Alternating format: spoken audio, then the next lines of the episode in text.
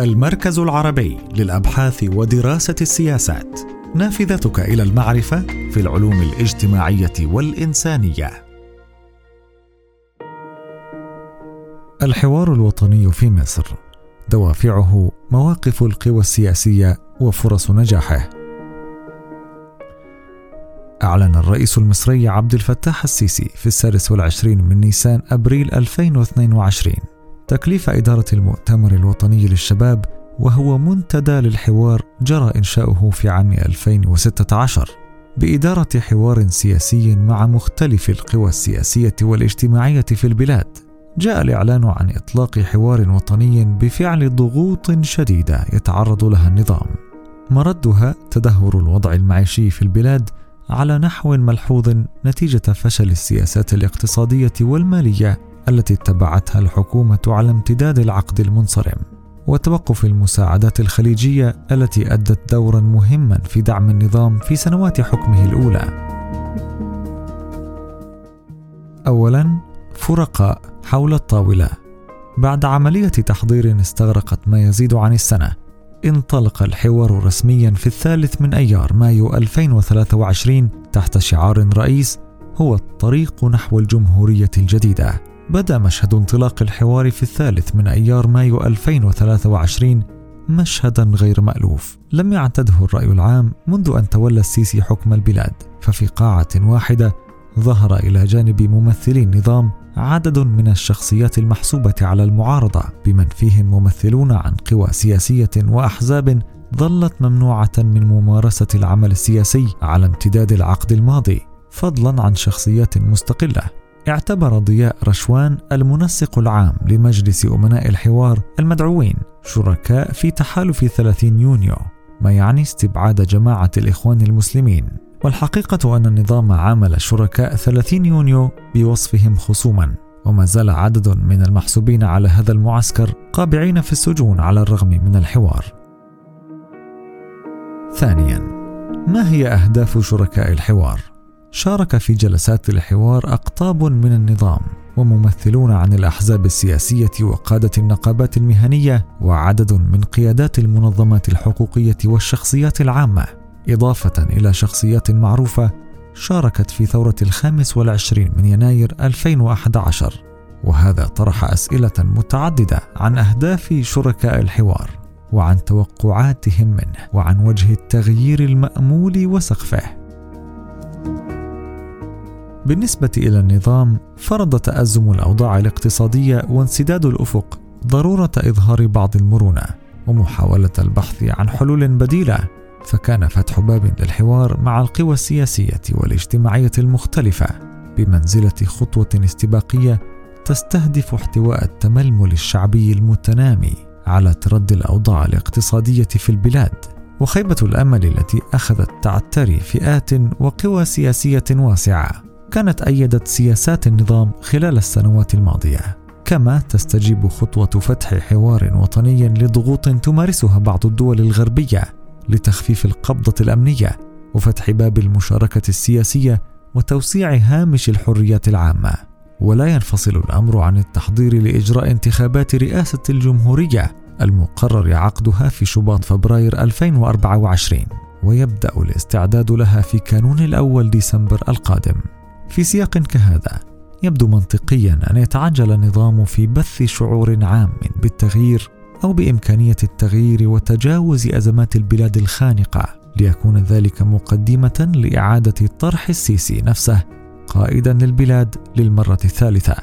أما قوى المعارضة التي قبلت دعوة الحوار وعلى رأسها تكتل الحركة المدنية الديمقراطية فقد طرحت عدة شروط لتلبية الدعوة. أهمها أن يكون الحوار جادا وحقيقيا وأن ينتهي إلى نتائج عملية تشق طريقها إلى التنفيذ. وقد وضعت الحركة عددا من الضوابط الإجرائية والموضوعية الضرورية لإكساب الحوار الجدية المطلوبة وضمان أن يكون وسيلة لإنقاذ البلاد وحل مشكلاتها وخلال الفترة التحضيرية للحوار.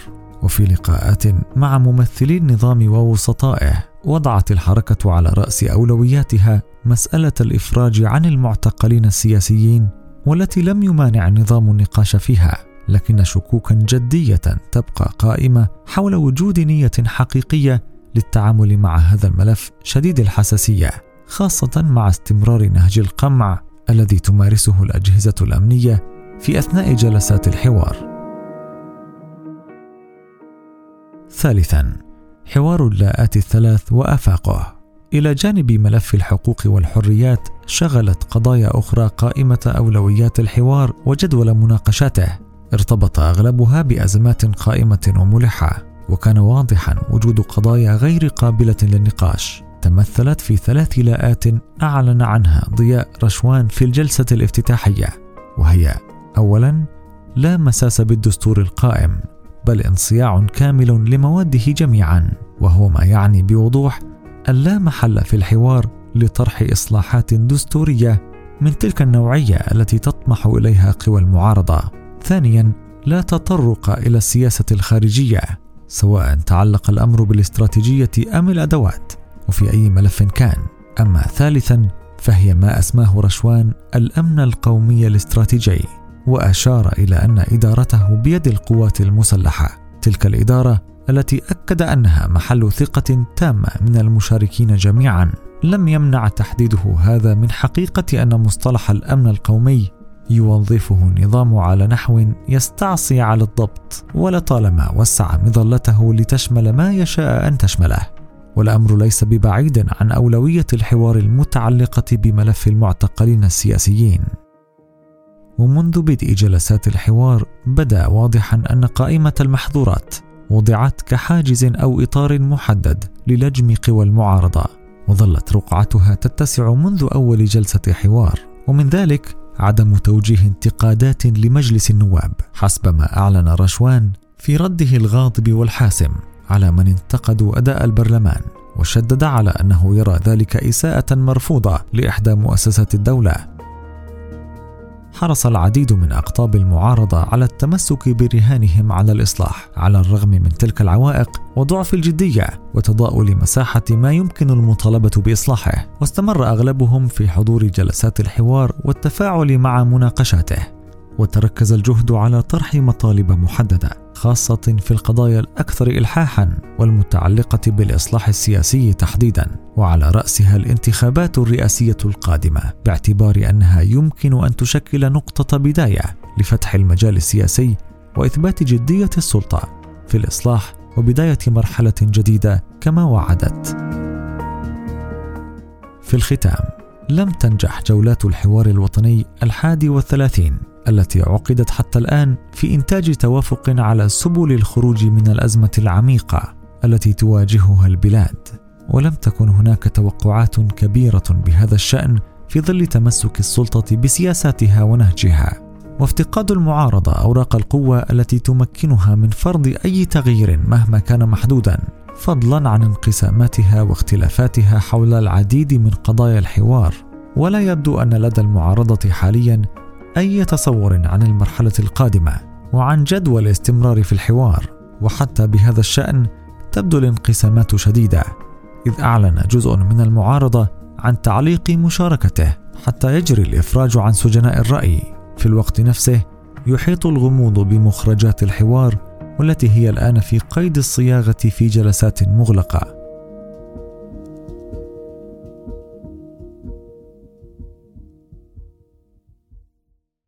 لمتابعة أخبار المركز وفعالياته.